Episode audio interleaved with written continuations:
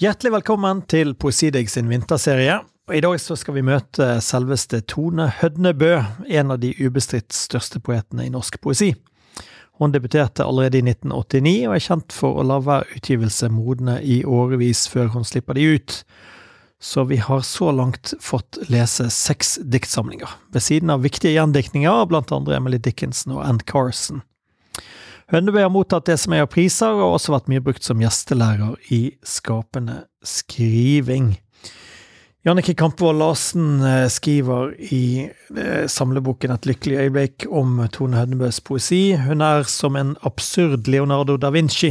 Det er den krengende bygningen, det er det planløse, det er følelsenes logikk, letingens, forskningens, eksperimentets logikk.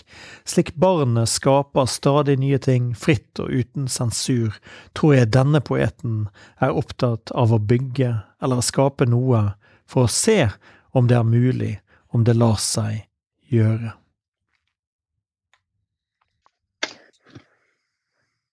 Hagen er bekmørk, biene surrer og surrer seg bort. Det fins mange slags setninger, og det er nok av forstyrrelser. Men hvor personlige skal vi bli? Jeg var åtte og begynte å skrive. Jeg visste ikke hva et dikt var, eller hva som var sant eller ikke. Så besluttet jeg noe. Jeg lot en splint skjenne ut. Jeg ble den piken jeg forlot og aldri kom tilbake til. Jeg hadde en gang en hund. Nei, jeg hadde to hunder. Hunder drømmer i farger. De ser dårligere enn oss, og en hund lyder bare ett navn. Den ene gikk foran og den andre etter. Hver gang vi gikk ut av huset, visste jeg aldri om det var jeg som lystret hunden, eller hunden som lystret meg. Betroelser får meg til å betro meg.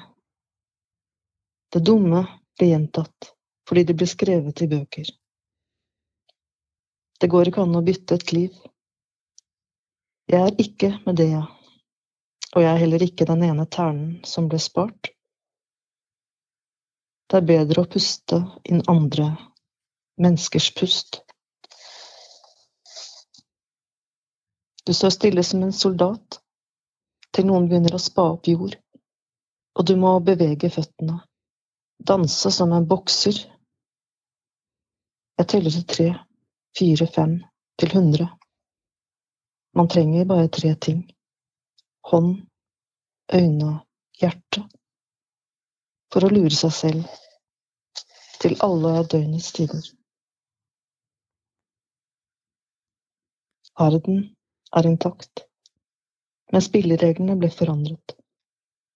Det var modellen som feilet, og det trengs både et kritisk og sosialt apparat for å diskutere f.eks. makt, det vil si at noen forblir utenfor. Av og til kan en setning forandre alt. Jeg kan ikke forbinde noe med noe annet.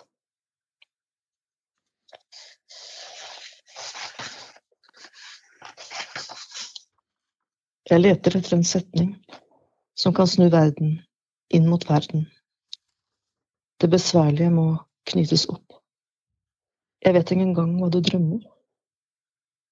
Å kjenne et menneske hele livet kan være en målestokk på verden. Mm. Ja. Tusen takk, eh, Tone. Eh, vi snakker med deg på telefon. Det må vi bare si. Du, har, du, får en sånn fin eh, klang, litt sånn mekanisk klang i stemmen der. Er, det er litt ja. som å høre Laurie Anderson. Eh, Laurie, Laurie ja, Anderson, sånn 80-talls Ja. Nydelig. Men ja, Teknikken forandrer nok på stemmekvaliteten, skulle jeg tro. Ja. Ja, ja. Så hvis noen ringer meg nå, og deg, så er det på grunn av at vi sitter og har et Telefonsamtale. Ja. Da tar vi den telefonen òg. Vi, vi, vi, inkluderer alt. Vi, da kommer alle lydene inn. Ja. ja, ja. uh, Tone, du skriver uh, i det diktet du nettopp leste, så skriver du Uh, jeg visste ikke hva som var sant eller ikke, jeg visste ikke hva et dikt var. Jeg var åtte år og begynte å skrive. Det er også Det gjentas også i slutten av uh, din siste diktsamling. Um, man blir jo litt nysgjerrig, da. Altså, du har levd et, et liv uh, i, i, poesien. Du, du Er det du sjøl Altså, dette, denne åtteåringen, er det er det en referanse til ditt eget liv her, og, og en slags begynnelse? Um, ja, det, det, var vel en slags forsøk på å skrive personlig og selvbiografisk. jeg begynte liksom der, og så plutselig så ble boken av noe helt annet. Uh, eller kanskje ikke, kanskje ting henger sammen. Men det var i hvert fall ikke Det var et forsøk, og jeg syns det, det, var det at jeg prøvde å tenke ut hvor, hvor begynte det. Um, hvor begynte jeg å oppdage at det å skrive? Um, mm. Og hva gjør skrivingen? Hva gjør den erfaringen med en? Um, og så var det også ganske tidlig, når jeg jobbet med den siste boken min, så ville jeg eh, undersøke noe med, med, en som het Emmy Nøter, som eh, var en eh, matematiker Eh, og som eh, prøvde å finne en formel for uh, symmetrier og konservasjonslover. Ja. Og for min del også så handler det jo litt om at det å skrive handler om å, å se utover meg selv, da. Eh, og prøve å glemme, glemme, meg selv. Samtidig så kommer man på en måte ikke bort fra seg selv når man skriver dikt. Mm. Så den der eh, blandingen der eh, Og så et forsøk på å tenke hvorfor valgte jeg å studere språk? Hvorfor valgte jeg å jobbe med dikt? Det er jo såpass uh, sært. Og, og det er ikke akkurat det folk gjerne snakker om. Så så jeg, jeg, jeg, kunne like godt valgt på en måte å gå videre med f.eks. naturvitenskap og den type ting. Da, for jeg, jeg, på en måte var like opptatt av det eh, på et tidspunkt da, eh, i livet. Så mm.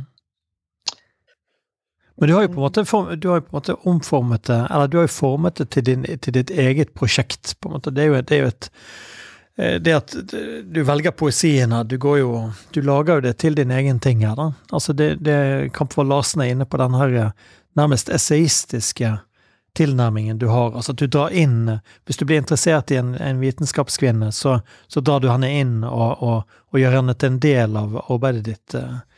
Eh, den, denne, denne Dette laboratoriet på en måte du nesten, eh, du nesten oppretter, da, der, der det, der det av og til virker som at prosessen er viktigere enn produktet, eller hvordan, eh, hvordan tenker, tenker, du om det? det? det? tar jo litt lang tid for deg å lage en diktsamling, da? Ja. Nei, altså Jeg tenker at det kommer ut så mange bøker, det er nå én ting. Og, eh, så jeg tenker at uh, ja, Og så er jeg kanskje litt optimist og tror jeg skal bli veldig gammel, sånn at jeg tror jeg har en del bøker igjen å skrive. Så hvis jeg er like heldig, blir heldig å bli gammel, så, så, har jeg tro på at det skal bli noen Fredrik-samlinger. Men, men jeg, jeg, for meg så er det sånn at det er ikke noe selvfølge heller å skrive mm. en bok. Eh, så jeg blir like glad og overrasket hver gang det, det blir en bok, da. Og like skremt hver gang det blir en bok òg, fordi det er jo ikke Det er jo ganske skummelt å gi ut en bok også. Og jeg, men jeg tenker at jeg vil aldri jeg ønsker ikke å bli så profesjonell at jeg syns det er lett å skrive en bok, eller at jeg vet hvordan en bok skrives. Det er jo ikke sånn at hver bok blir på en måte å begynne på nytt. da. Um, særlig siden det går litt lang tid med hver bok. Mm. Så, men uh, det kan hende at diktene ligner på hverandre for det. At det er veldig vanskelig å bevege seg veldig liksom, langt videre fra bok til bok. Men jeg, jeg syns i hvert fall at det, jeg tar den sjansen da, på at det går tid da, mellom hver bok. Og jeg jobber jo med ting, andre ting. Eh, skriving, oversetting i de mellomperiodene. Men også at den boken som eventuelt blir en bok, den, den begynner gjerne liksom i de fasene mellom. Altså det er jo der det skjer. Det er jo der det mm. spennende skjer også. Mm. Eh, men skrivingen har i hvert fall ulike faser, da. Eh, og det er klart det mest spennende er jo når du er i gang med en bok og, og, og, og liksom glemmer liksom å skrive, da. Altså du, du skriver, Ja. men du glemmer at du skriver. Mm. Så hva gjør du da? Du leser og Du leser da og samler, på en måte? Altså, at du Ja, leter kanskje. Eh, leter etter en innfallsvinkel til, eh, til å skrive. Eh, og da kan jeg plutselig ha mange ideer, da. Eh, og eh, det er ikke alt, alltid sånn at man får brukt alt, men sånn som nå, så har jeg sikkert sju forskjellige arbeidstitler som ligger og venter. så ja, og som ikke har vist til noen. Men, men eh, det kan også begynne med en setning, eller det kan begynne med en, eh, en arbeidstittel. Ja. Eh, Som jeg skriver rundt. ja. For når man ser på disse, disse produktene dine, de bøkene, så jo det, virker jo de kolossalt gjennomarbeidet. Det, det er ingenting som virker som at, eh, at vi har med en, en, eh, en sprø laborant eller professor å gjøre. Det, det, virker, det virker jo Det virker veldig ordnet til slutt, da. Eh, Strø, eller strø... diktene har jo sin form, selvfølgelig. Diktene har jo en form, så du jobber jo mot eh, Altså Du jobber både med og mot formen. Eh, og jeg har en forkjærlighet eh, for korte, komprimerte dikt selv. Jeg kan godt like å lese all slags type poesi, og jeg er veldig nysgjerrig på eh, andre måter å skrive på, men man har på en måte det temperamentet man har, og man har en tilbøyelighet, kanskje til og med en begrensning som man må jobbe mot, og så blir det liksom sånn som det blir, da. Men det er ikke fordi at jeg sitter og kalkulerer det fram, det er bare sånn det blir fordi man er det man er. Og, og som sagt, det komprimerte interesserer meg. Hvordan du kan liksom Mm. um, og, og uansett om du skriver veldig lange dikt, mer fortellende episke dikt eller mer komprimerte dikt, så må du forholde deg til veldig mange valg, selvfølgelig. Og det må du også når du skriver ellers også. Men, men liksom, i og med at diktet er så kort, så blir det så mange valg. Eh, og da blir enkeltordene også så viktig. Og pausene og grammatikken. Alt blir så utrolig viktig. Eh, og det interesserer meg. Mm. Eh, hvordan man forteller noe, eller hvordan man eh, sier noe. eh, på hvilken måte osv. Uh, det ligger eh, veldig mye der, eh, tenker jeg, som er eh, Som har med dikt å gjøre, da. Mm. Hva, hva, er- hva denne hva er denne motstanden, da? Altså, hvis, hvis denne motstanden er en viktig bestanddel i Fordi du snakker på en måte om, om diktning som at alt er mulig, og det er, en, det er en deilig følelse, og du kan ta inn det du vil, og du styrer selv og sånn, men, men samtidig så, så eh, snakker du i mange sammenhenger om, om at, at det ligger en, en motstand, noe som, som holder deg borte fra skrivingen. Altså, hva, hva, eventuelt er det Går det an å si noe om naturen til denne type motstand? Eh, Jeg tror kanskje jeg skriver hele tiden, eh, men hva man velger på en måte å jobbe videre med eller ta med en diktsamling, er, er jo noe annet. Eh, Jeg har liksom notatbøker og Men det er ofte fragmenter. Altså det er ikke hele dikt. Eh, Diktene på en måte Det blir mer til i den siste delen av skrivefasen. da, At jeg ser at oi, dette blir jo et, kanskje et dikt. Men, men før det så er det mer fragmenter og, og tanker og ideer og Ja. sånne ting. Ja. Som genererer på en måte dikt. da. Og jeg, jeg, når jeg har samlet opp noe, Mm. som, eh, så, så smitter det litt over på hverandre. Altså, det er jo ikke sånn Språket smitt, smittes av eh, ja, det som står på én side, kan bli smittet av det som står på en annen side. Altså, Mm, -hmm. um, og sånn er det jo også når du komponerer en diktsamling. Altså, um, at det er um, Det er ikke tilfeldig hvordan ting står, men samtidig så ofte så ender jeg opp med å ha en, en kronologi som på en måte som er ganske lik den, den som diktene ble skrevet i. da. Nei, men det, det, det er jo Jeg jobber på, på samme måte som det du beskriver, liksom. Men jeg syns det er en berusende følelse, den, den siste delen, når, når man sitter med disse elementene og, og virker de mot hverandre. Det er det jeg føler er det virkelige laboratoriet, når man, man Mm. heller, heller eh, begerne over i hverandre. Hvordan blir den i forhold til den? Og, og så plutselig oppstår det helt nye ting. Det er en eh, det er den eneste tingen jeg liker med skrivingen. Jeg syns det er helt pyton ellers. Men Ja. eh, Nei, Det høres jo veldig luksuriøst ut å, å, å snakke om laboratorium og, og, eller verksted osv. Jeg sitter på soverommet mitt, liksom. Jeg har ikke eget kontor. Men jeg har et veldig stort skrivebord Ja. med plass til veldig veldig mange bøker. Så det er på en måte min lille liksom, sted. da, altså Kall det laboratorium eller verksted. Men senga er der, liksom. Uh, og så Har har kan jeg jeg se ut- ut av et vindu. Jeg kan Har se ut av et vindu og ha god utsikt. Ok, så du kan se ut til, til Thereses gate. Men, men, men altså Ja. Nei, for det er jo noe, det er mange diktere som, som, som ikke vil se, se ut, og det er noen som liker å se rett inn i en vegg og sånn. Men du, du har ett. Ja. Mm. Ja. Jeg har eh, Ja da. Nei, men, eh, men det er viktig å ha et sted eh, å sette seg og hvor du på en måte Det er der det skjer, da. Eh, enten det er en notatbok eller et, et et stort skrivebord. Mm. Så det første jeg gjør når jeg er ferdig med bok, er å rydde, rydde det bordet, for det har liksom hopet seg opp. Ja. Så Hva er nå ligger det stabler. Det ligger stabler her. da, da er det bøker som ligger der, da. Som er, Ja. ja. med, med, med kvinnelige teoretikere fra 30-tallet. ikke bare. Masse annet rart òg. Ja, ja, ja. ja. Det, det Nye prosjekter også som venter på liksom, ja. Ja. Nye bøker som venter på å bli lest. Ja. Ehm, men hvordan eh, Vil du bare si noe om, eh, om denne, eh, denne utvelgelsesprosessen? Da er det altså hva som kommer med, og hva som kommer ikke med? Hender det, hender det at du Er det alltid sånn at når du ser på sluttproduktet, så skjønner du at det var sånn det skulle bli hele tiden? Altså, eller, eller hender det at du av og til ser tilbake i, i bøkene dine, og så ser du at faen, der var noe? Eh, eller er det sånn at det alltid går mot det punktet der det er perfekt, på en måte, eller der det føles Det føles aldri perfekt, eh, og det tror jeg de fleste som skriver, opplever at eh, de kan liksom angre på ting de har skrevet, eller Og det der det, Kanskje det er noen dikt du syns eh, på en måte du kan stå inne for, mens alle de andre diktene var mer sånn med på å hjelpe de diktene fram. Ja. Men, eh, men jeg syns dikt, alle diktene blir jo viktige på den måten at eh, de snakker til hverandre, som sagt. Men, men det er jo ikke alle dikt man er like fornøyd med. Så øh, ja.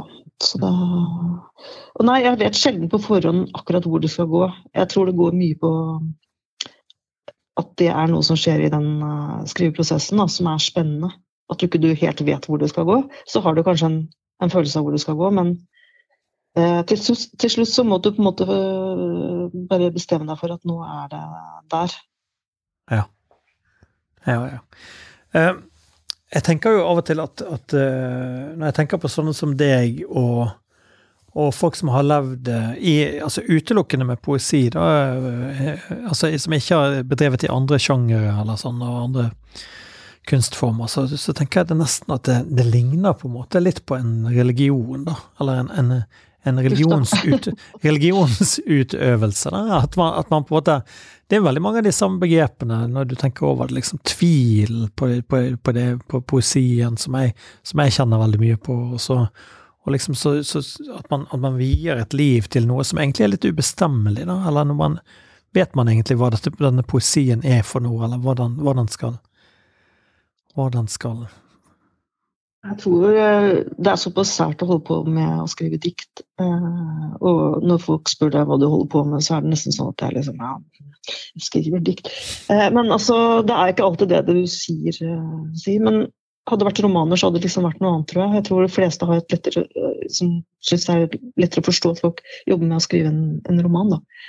Um, men, um, men samtidig så tror jeg at du, det er en stahet også, uh, og en utholdenhet som skal til. da mm. og som jeg tror jeg har. Uh, selv om jeg også har mange perioder hvor jeg liksom tviler på diktet. Uh, så, og det gjør jeg virkelig. Og det er kanskje en del av den motstanden man, man gir seg selv, som er ganske utholdelig i perioder. Men så kan det komme sånne glimt hvor man faktisk tror på det, da, og se at her er det en form som faktisk kan fungere. Uh, I hvert fall for meg, da. Uh, til å si noe som jeg ikke kunne sagt på en annen måte. Mm. Og for meg er jo diktet f.eks. et sted hvor um, følelse og fornuft måtte bli like viktig. Eller hvor du kan snu opp ned på begreper som følelse og fornuft. Du Mm. kan f.eks. si, som jeg skrev i et dikt, 'fornuften er varm, følelsene kalde'. Og så kan du på en måte snu opp på ting. Eh, og um, ha det litt moro også. Eh, og ha det Tulle litt. Eh, Mm. selv om folk flest kanskje tar det litt for alvorlig, men det er faktisk ganske mye tull og tøys eh, i diktene. Jeg hadde, hadde faktisk tenkt å nevne det, da. At, at det, det, liksom, når man leser om din poesi, så er det liksom alvorlig. Det er så alvorlig. Det alvor, alvorstunge Tone Hødnebø og sånn og sånn. Men det er jo mye tull eh, og lek. Det er det. eh, Jeg mener jo det, da. Eh, Men det er klart, én ting er troverdighet. At det å få et dikt til å virke sant Det trenger ikke være sant, men Ja. få det til å virke sant. Og, og at det skal være det skal, være noe, det skal virke troverdig. Det, skal virke, det er én ting. En annen ting er eh, at man kan eh, man kan bruke Ja, man kan Det er også litt eh, humor i dikt, eh, diktene mine, håper jeg. da. Mm. At folk eh, vil Noen ser det, men absolutt ikke alle. Ja, ja, ja. Men kanskje det har noe med diktet at diktet blir så veldig høytidelig ofte, eh, og en diktsamling liksom er eh, en høytidelig ting, men eh, eh, Jeg mener jo at misforståelser også er like viktig, da. eh, når det gjelder eh, det med å skrive dikt. Mm. Hvordan, hvordan tenker du det? Mis, misforståelser? Altså, altså at man skriver noe litt feil, og så blir det bra, eller? Nei, jeg tenker f.eks. at øh, øh, Nå tenker jeg litt på forestillinger. Uh, jeg er veldig opptatt av at Det er ikke jeg som har tenkt, det er andre som har tenkt for meg, men at det språket vi har, som vi bruker, da, og det språket vi har om forestillinger, er det samme. Ja. Så hvordan kan jeg vite hvem som, at, hvem, at vi bruker, tenker likt om språket? Altså, og der tenker jeg at dikt er et sted å utforske disse slags misforståelsene på. Eh, Mm. eller et sted, da. Eh, å utforske misforståelser eller, eller forståelser. Ja. Eh, Vil ikke det også ligge i po altså poesiens natur, po poesiutgivelsens natur? Du har jo også lesere. Den, den, den forskyvningen vil jo også skje nesten overfor enhver leser, tenker jeg. mm. Jeg syns det er det vakre med, med, med, med dikt, eller alt slags språk, at det, at det liksom Vi ser det fra hver vår vinkel, og det ser helt annerledes ut. da. Det, Ja, altså det er jo noe med at når du skriver dikt, så gir du det fra deg. Og da har ikke jeg kontroll over hvem Eller hva folk legger i det. Og det er jo noe veldig, som du sier, vakkert i det. Eh, ofte når man snakker om romaner, hvis du hører på liksom så er det ofte liksom at man er ute etter å koke det ned til liksom en kjerne av en liten kjedelig fortelling. Istedenfor så er jo diktet veldig åpent, da. eh, og um, Mm. det er vanskelig å koke det ned til én ting ja. eh, uten å redusere det. Diktet er liksom det det er. Det er ikke noe annet enn det der, men det er det det er. Og det, det som det er i ditt tilfelle, da, som ikke er det så veldig mange andre som gjør, det er at du tar jo inn andre vitenskaper. Eh, Men det som jeg, jeg, jeg syns har også vært lite, for, for lite fokus på, men som heldigvis Mette Mostrup retter opp i, i etterordet på denne samleutgivelsen, 'Å snu verden inn mot verden', det er at, at det er mye Altså, det er mye politikk. Altså, den politisk, altså den, det er en politisk bevissthet i forfatterskapet som har vært der eh, hele tiden. Da. Eh, og, og det er eh, Mange er jo redd for å inkludere politikk eh, i Fordi at det på en måte Det er Det en, det er noe endelig med politikken. Altså at den hvis diktet skal, som, som du var inne på i sted, at diktet skal være subtilt, det skal være sublimt, eller det skal liksom ha mange, være mange meninger, så er jo mm. politikk ofte litt sånn bastant, på en måte, det, Mhm. og sånn og sånn, da. Men du, du, du sniker det inn. eh. Hvordan, eh, hvordan har du det selv med det, altså, når du tar inn de, de elementene? Er du litt forsiktig med det, eller er det Eh, altså, det er klart, jeg, jeg er selvfølgelig spro eh, um, Alt språk er jo eh, makt. Altså, hvordan man bruker språket, sier noe om hvordan man er, eh, hvor man, er eh, hvordan man ser på verden. Eh, og hvilke og, Det å skrive poesi er jo også en måte å bryte ned den vanlige måten å bruke et språk på. den vanlige hierarkiske måten. Bruke set, altså sette setninger opp Man kan sette setninger og bilder opp mot hverandre i et dikt, og man kan bruke språk som ikke ville bli til andre steder enn et dikt. Da. Så det ligger jo på en måte et slags opprør i det. Mm. Men, men, jeg tenker også at dikt ikke bare skal handle om natur, det skal ikke bare handle om følelser. Det, ikke, altså jo, det handler om å være menneske, det handler om å være et menneske i verden. Det handler om å, å beskrive eh, samfunnsstrukturer også, da. Eh, mm. Eh, så mer enn at det på en måte er kanskje politikk, for det er jo noe annet. Det er jo noe måte å ha et politisk budskap. Men det tror jeg man kan lese inn i mange dikt. Man kan godt lese inn politisk budskap i et dikt uten at det trenger å være uh, uttalt politisk. Da. Um, mm. Men uh, hvordan vi bruker språk som handler om maktstrukturer. Og det tror jeg sniker seg inn i en del dikt, den tankegangen, den tanken der. At, uh, at vi er overveldet av et språk som ikke er vårt, og som må prøve å finne en inngang inn i det språket. Som, og gjøre det til, til et språk som kan få en annen betydning, da. Mm. Skjønner. Eh, du har jo også, eh, jeg vil si, et, et eh, ja, hva skal man si, et feministisk prosjekt i den grad at du, du retter fokus på, på, veldig mange kvinnelige uh, Ja, i den, i den uh, siste diktsamlingen din, uh, 'Nytte og utførte gjerninger', så, så nevner du en rekke kvinnelige tenkere og vitenskapsmenn som Vitenskapsmenn, ja, nettopp.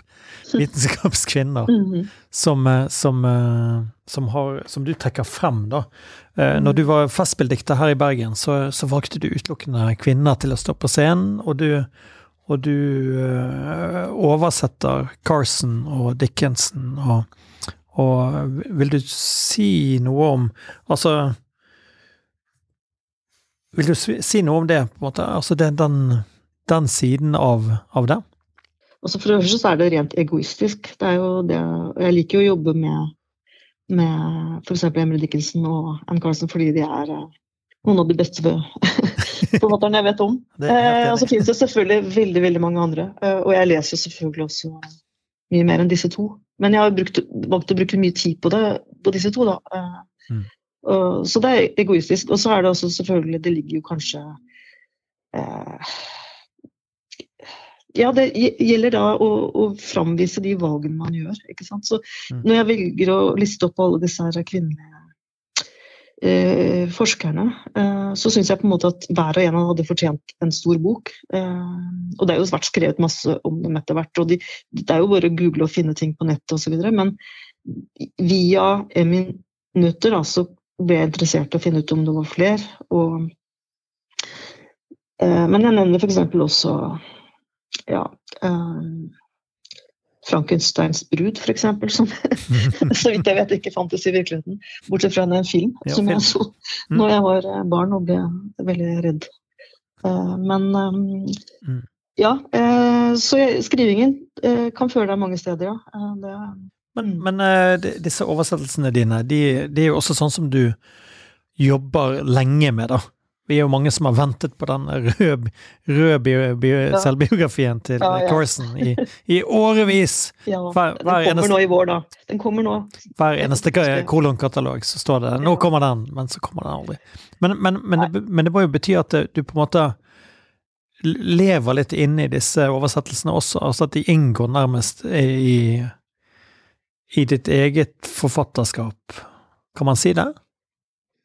Um, ja, altså, men også sånn når man prøver å bli ferdig med ting, så da, da blir på en måte den oversettelsen viktigere enn en egen skriving, vil jeg si. Men, uh, så jeg lengter veldig til å komme tilbake dit hvor jeg kan bare skrive, da. Uh, selv om jeg har 18 andre prosjekter som venter av oversettelser.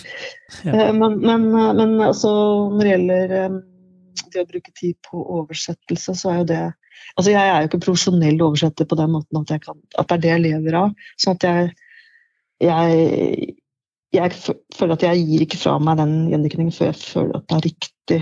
Og det tror jeg ikke liksom uh, og, og, det handler kanskje om å, å, få det språket til å komme dit jeg vil, da. Uh, I den grad man klarer det, liksom. Mm. Uh, på et eller annet tidspunkt så må du gi deg, da. Det er ikke sikkert du blir 100% fornøyd, men at du i hvert fall kommer dit hvor du kan stå inne for det. Men um, oversettelse handler jo også om Altså, det er en annen forfatter som du står på en måte Som du må liksom ja, eh, du har et større ansvar når du oversetter enn når du skriver eh, selv. Eh, på den måten at du må, liksom, du må ikke ødelegge for den forfatteren for mye. Men samtidig så blir det jo noe annet enn originalen. Så mm. det blir jo liksom Ja. Å gå i dialog da, eh, med, med, en annen tekst over tid. Det er klart at det, det blir jo Ja. Men, men Hvor skillet går der mellom skriving og, og oversetting, det vet jeg ikke. Men uh, det er i hvert fall men la oss si, la oss si det, at, altså, Du mm. har jo gjendiktet Ann Carson før. Du, eh, 'Glass, ironi og Gud' kom i 2014. da.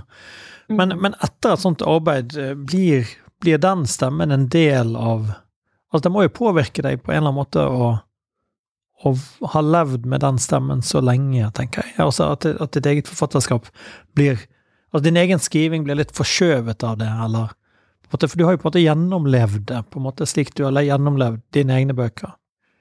Ja, Du blir på en måte forstyrret, men det er bra å bli forstyrret måte, i sin egen skriving. ja. Så det gjelder å la seg forstyrre av de riktige folka.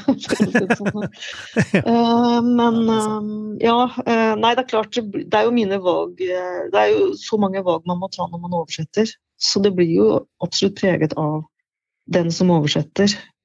Mm. Eh, til en viss grad. Eh, og så Samtidig så er det kanskje ikke tilfeldig at jeg har valgt disse to heller, for det er jo kanskje to forfattere føler et slags slektskap med. Da. Og jeg ble ganske tidlig opptatt av at, at man må finne seg noen forbilder. Liksom. Selv om du aldri kommer til å nå dem til knærne engang, så er det viktig å ha gode forbilder. Mm. Uh, og det er um, en måte å utholde skrivingen på også. At du er i dialog med andre tekster. Eh, Tone, kunne vi fått høre litt fra altså Hvis, hvis vi nå kunne breake et, et, et, dikt fra denne her eh, boken vi alle venter på, um, fra Ann Carson Ja. Jeg skal lese et kapittel som jeg syns er eh, Da har vi liksom, ja. har vi liksom en sånn nyhets... Ja, det er jo fra uh, Rød selvbiografi, The Autobiography of Red på engelsk. Uh, og der er det en uh, som heter Geron, som store deler av boken het, uh, handler om. Uh, fra han er barn til han blir begynner å bli voksen. Og som begynner å skrive på sin egen selvbiografi veldig tidlig. og til og med før han lærer seg å skrive, så holder han på med en selvbiografi. Mm. Men så handler det også om veldig mange andre ting. Det handler om en forfatter som heter Stessi Koros, som Arne Carlsen skriver et, et uh, essay om i starten av boken. Og så, handler det om, altså er det diktfragmenter som bygger på myten om Gerion. Um, som er en gammel myte om et rødt monster som bodde på en rød øy, og som hadde et rødt kveg. Men nå skal jeg lese et, et kapittel. Mm. Ideer. Omsider lærte Gerion å skrive. Morens venninne ga han en vakker notisbok fra Japan med et selvlysende omslag. På omslaget skrev Gerion selvbiografi. Inni skrev han ned fakta. Alle kjente fakta om Gerion. Gerion var et monster. Alt ved han var rødt. Gerion bodde på en øy i Atlanterhavet som het Det røde stedet. Moren til Gerion var en elv som renner mot havet. Den røde gledens elv. Faren til Gerion var gull, noen sier at Gerion hadde seks hender, seks føtter, noen sier vinger. Gerion var rød, det samme var det rare, røde kveget hans. En dag kom Herakles, drepte Gerion, tok kveget. Han fulgte opp fakta med spørsmål og svar. Spørsmål. Hvorfor drepte Herakles Gerion? 1. Var bare voldelig. 2. Ble nødt, det var et av hans store verk, det tiende. Tre fikk det for seg at Gerion var døden, ellers kunne han levd til evig tid. Til slutt. Gerion hadde en liten rød hund. Heraklis drepte den også. Hvor får han alle ideene sine fra, sa læreren. Det var foreldresamtale på skolen. De satt side om side ved små pulter. Gerion så moren plukke vekk et tobakkrusk fra tunga før hun sa Skriver han overhodet noe med en lykkelig slutt? Gerion tenkte seg om. Så strakte han seg og lirket stilarkene forsiktig ut av hånden til læreren. Han bega seg videre til bakerst i klasserommet, satte seg ved den faste pulten og fant fram en blyant. Ny slutt. Over hele verden fortsatte de vakre, røde vindene å blåse, hånd i hånd. Mm. Oh. Ja, det er et rart lite kapittel. Er, eh, hun har jo, Alle disse kapitlene er ofte bare på én side, eller av til en halv side, noen ganger litt lenger. Eh, så det er ikke vanlig prosa vi møter her. Eh, så det er jo et, et veldig spesielt altså Veldig spesielt med Ann Carlsen at hun på en måte hun har jobber både med det veldig komprimerte og med fragmenter, men også med, med lengre tekster. Mm. Og også med essays. Eh, slutten av boken har hun faktisk et intervju hvor forfatteren intervjuer Stesikoros, som da levde ja, 600 år før Kristus. Så ja.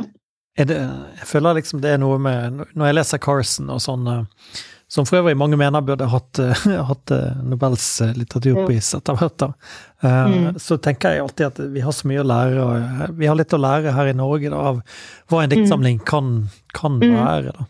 Altså at, mm. at, vi av og til kanskje lager det, det, det er litt trangt her, da. At vi, at vi, liksom har en form som vi gjentar ja. igjen og igjen. Og, og sånn. Og det, det, er jo Altså, du kan jo diskutere om det er dikt. Det er jo ikke en diktsamling. Eh, altså, bøkene er jo noe annet enn en diktsamling, men hun, hun, hun um, er vel også regnet som en poet. så det er jo i, i, i, mm. måten hun behandler språk på, hvor hun viser at hun er poet, da, også når hun skriver på en måte pro, mer prosa. Da. Uh, og du ser jo det at hun har uh, uh, Ja, hun jobber jo også med ulike sjangere, ikke sant, sånn at hun lager sine egne sjangere, da. Mm. Og har liksom Ja men det er kanskje nettopp det sjangerløse som jeg syns mm. uh, mangler litt her. Da. At man, at, man, lager en bok, liksom. At en bok kan være en bok, og så driter i om det er dikt eller men du, samtidig så er hun da ekstremt opptatt av Hun kan, kan, jo veldig mye. Hun vet hva hun gjør når hun bryter sjangeren. ikke sant? Så det er noe med å, ja. mm. eh, å vite hva du gjør. Eh, så, og der klarer hun å lage liksom noe nytt. Da. Eh, mm. Eh, men også fordi at hun også tillater seg å skrive dikt eh, i en bok, og har en egen avdeling med dikt. Eh, som, så kan hun utvikle noen ideer derfra til i en annen avbolk av boken. Da. Mm. I en annen form. Ja. Det henger, henger, litt sammen med noe som jeg hadde tenkt å spørre deg om. For jeg lurte, jeg gikk egentlig og lurte på det i mange dager. For det at det var Du skriver et Og denne blir litt vrien å svare på, da, men, men, men Altså, du bruker et sted et begrep, eh, poesiens uvesen, skriver du om. Poesiens uvesen. Ja. Mm. Man har poesiens vesen, og så har man poesiens ja. uvesen. Mm. Vil du fortelle litt om, om å, oppklare litt? Hva, hva, jeg ble fryktelig interessert i hva dette ja. uvesenet kan være. Eh, det handler kanskje litt om um, dette med sjangre. Altså det å tillates altså Selv om du kan jobbe innenfor en form, da, en trang form, la oss si kort, kortformen i dikt. Mm. Så kan du også bryte det diktet innenfra i forhold til hva du velger å skrive om. Da. Altså, det er mange måter å bryte på. Nå har vi jo snakket om Carlsen og hennes måte å bryte på. Uh, men uh, uh, men f.eks. Emily Dickinson, som jeg også har jobbet med, som da på en måte brukte en, en form. uh, når hun hadde sin mest produktive fase, så jobbet hun innenfor en sånn hymnisk strofeform som, som hun også bryter. Uh, F.eks. ved å ikke rime, eller rime på rare måter. Mm. Eh, eller ta inn ord som ikke hører inn i en hymne. Ja. For hun bruker også da en del vitenskapelige begreper, og blander dem med helt hverdagslige begreper eh, ja, eh, hun kan bruke ting fra naturvitenskapen, f.eks. Uh, uh, ord som mikroskop osv. Uh, um, og um, så, så, på en måte så har Ann Carlsen og Emily Dixon veldig mye til felles, men de skriver veldig forskjellig. Ja, ja. Men vil du si at Begge er opptatt av fakta, begge er opptatt av fakta, men de er også ute etter å lage liksom Ja. Noe annet enn bare forholde seg til fakta. Men vil du si at poesiens uvesen er altså da kan være betegnende for begge de to? Ja, det har jo kanskje noe med det å gjøre. Jeg glemte faktisk å svare på spørsmålet. Nei, nei, nei, men du, du sa jo ja. det, at, at, kanskje de var eksempler på det? eller at de var... Ja. Altså ja, de... det er en form for eh, Hva skal jeg si eh, Opprør, eller kanskje ikke opprør Jo, at det er eh, en måte en, De vil ikke tilpasse seg hva man forventer da, at, at man skriver når man skriver dikt. da. Mm. Og det syns jeg kjennetegner begge to. Og med Dickinson så var det jo sånn at hun publiserte jo bare elleve dikt mens hun levde anonymt. Ja. Eh, så, og det, var, det, tok lang tid før hennes diktesamling kom. Det var jo først på 1950-tallet. Eh, hun døde jo ja. året før. Så det, det er eh, Og fremdeles så er det jo sånn at hennes dikt eh, Etter at man åpnet det elektroniske arkivet for ikke altfor mange år siden, mm. så, så, får man jo nye oppfatninger av hvordan hun skrev og hvordan hun jobbet. Fordi man nå har lettere tilgang til arkivet, da. Emily Dickinson-arkivet. Mm. Uh, ja, og jeg tenker også at uh, Anne Carlsen, selv om hun nå uh, regnes som en av de store forfatterne som står på liste til å få nobelpris osv., så, videre, så hadde hun faktisk problemer med å bli antatt når hun sendte inn første manuset, fordi det lignet ikke dikt. Mm. Lignet ikke på hva man tenkte var en diktsamling. Så Ja, det er mange, mange som har, har, en sånn uh, Ja, ville, ville Ann Carson blitt utgitt i Norge hvis hun hadde et norsk navn og sendt inn en, en debut et debutmanuskript osv. Nå ville hun nok det, men kanskje ikke for Hvem vet. Men så debuterte hun heller ikke som, som skjønnlitterær forfatter. Hun debuterte jo med essays av Eh, som handler om Sappho. Den greske poeten Sappho. Ja, ja, ja. Mm. Jeg hadde en katt som het Sappho, faktisk. Å ja. Ja da. Den ble veldig gammel. Ja. Mm. Uh, uh, jeg syns vi skal uh, avslutte med å se litt på, på nytte og utførte gjerninger, da, som er den siste boken vi har fått. Den kom i 2016. Mm. For det er på en måte den vi forholder oss til. Da. Det er fem år siden. Jeg antar at det kommer en ny bok i 2024 eller noe sånt? Vel, forhåpentligvis før. ja, ja, ja, det blir jo. Eh, men, eh, men eh, det her Jeg syns det er mange I tillegg til å ha disse referansene og, og lekene, Dr. Frankensteins arkiv og, og altså det, er, det foregår litt av, litt av hvert der. Men, men det du åpnet denne podkastsendingen med, det var jo denne begynnelsen som som eh, en sånn uh, sifferert, altså én, to, tre uh, åpning, som, som, på en eller annen måte Når jeg leste slutten på denne boken, så oppdaget jeg plutselig at jeg leste det samme som jeg begynte å lese på det. Så i del mm. tre mm. så er det en slags speiling av del én. Mm. Så jeg, så bare, så jeg syns det er litt gåtefullt, da. Mm. Jeg syns det, det, er veldig, veldig fint. Og, og og øh, det er nesten så jeg tenker sånn at i, altså særlig opplesningsformer, der er det sånn hvis noe gjentar seg i en annen mm. rekkefølge og sånn, så er det enormt effektfullt, da. Mm. Så, så, så, så, jeg vil bare si hvor, hvor, kom denne ideen? Før, vi, før jeg har gjerne lyst til å høre deg lese litt til fra den. Eh, hva, hva, hvor kom denne formen, denne speilingen, hva, hva betyr den?